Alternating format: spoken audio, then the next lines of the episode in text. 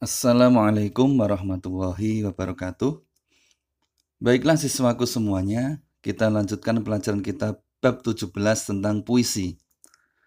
Dalam pembelajaran kali ini, kompetensi dasar yang harus kalian miliki yaitu kalian diharapkan mampu mendemonstrasikan pembacaan puisi dengan memperhatikan artikulasi, vokal, intonasi, dan ekspresi.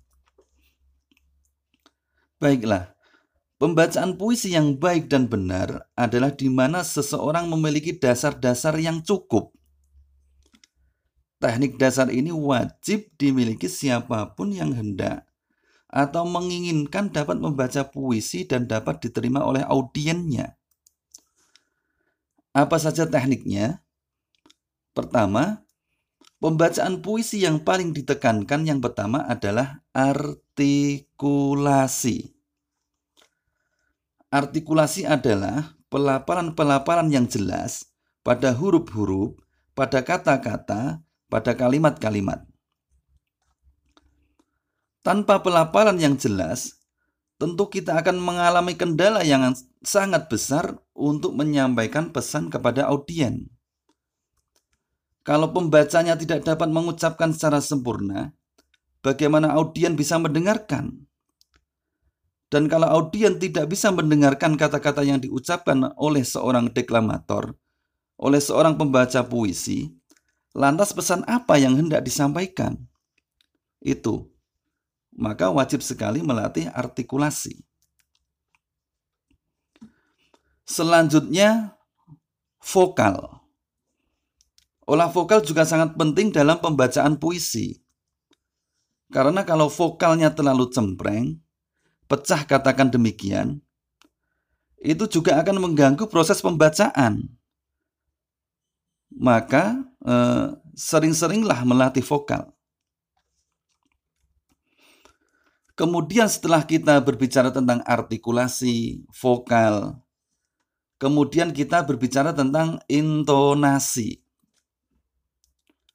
Intonasi ini penting sekali untuk menentukan nada-nada di dalam puisi untuk menentukan volumenya, untuk menentukan tekanan-tekanannya, untuk menentukan mana yang dengan nada rendah, mana yang dengan nada tinggi. Sekaligus untuk menentukan ekspresi puisi itu sendiri. Karena intonasi itu menentukan emosi karya sastra atau emosi puisi. Intonasi yang keliru akan membuat pendengar juga keliru Nah, intonasi ini harus juga dilatih dengan cara eh, katakan eh, dengan cara katakanlah kita selalu berbicara sendiri di depan cermin, mengucapkan kalimat-kalimat dengan pemenggalan yang baik, dengan penekanan yang baik, dengan volume suara yang proporsional. Proporsional itu artinya seperlunya, jangan berlebihan jangan juga kurang, dan sebagainya, dan sebagainya. Selanjutnya setelah kita berbicara intonasi, beranjak kepada ekspresi air muka. Kalau kita sedang marah, ya marah. Kalau kita sedang sedih, ya sedih. Kalau kita sedang eh, gembira, ya gembira. Tapi kalau kita sedang bingung ya bingung. Air muka kita itu sangat membantu untuk menyampaikan rasa. Wajah kita harus berbicara. Nah, di sini juga harus dipahami bahwa air muka itu tidak saja soal pipi, soal dahi, soal alis. Tetapi yang tidak boleh dilupakan adalah mata mata kita harus berbicara dalam menyampaikan sesuatu. Mata yang tidak ikut berbicara itu dapat dipastikan pembacaan puisinya hampar. Sekalipun intonasinya benar, artikulasinya benar. Tapi tanpa air muka yang baik, mata yang berbicara, kita akan mengurangi nilai pembacaan puisi itu sendiri. Kira-kira empat hal pokok itu harus dimiliki seorang deklamator, seorang pembaca puisi. E, karena waktu yang tidak banyak, saya hanya menyampaikan hal-hal yang penting saja. Hal-hal lain dapat kalian cari di internet atau dalam buku-buku tentang puisi. Kiranya demikian, tetap jaga diri, jaga kesehatan, Kurang lebihnya mohon maaf. Saya akhiri. Wassalamualaikum warahmatullahi wabarakatuh.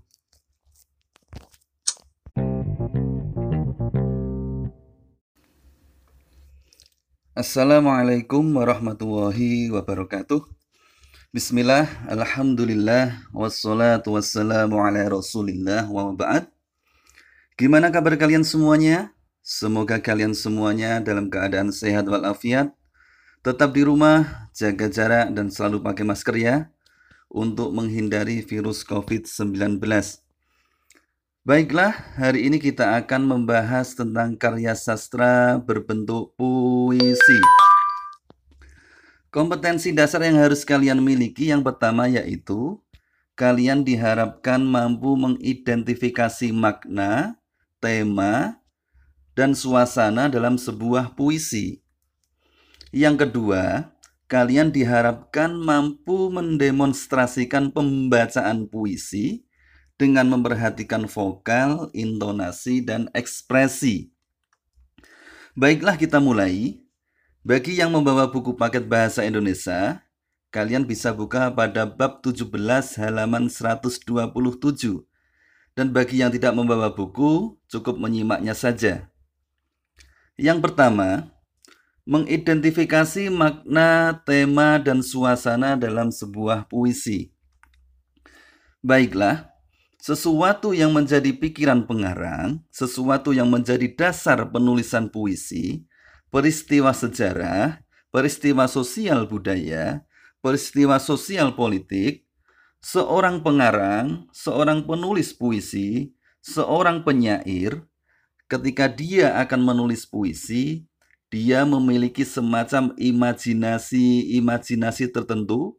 Dia memikirkan, membayangkan, menghayal, mengimajinasikan tentang gagasan apa, peristiwa-peristiwa apa, dunia batin apa yang ingin dituangkannya, diekspresikannya secara kreatif di dalam sebuah puisi. Uh, bisa saja tema itu bentuknya adalah berupa segala permasalahan hidup, baik peristiwa hidup yang dialami oleh pengarang itu sendiri. Tetapi tidak harus seseorang penulis puisi itu berdasarkan pengalaman hidupnya sendiri.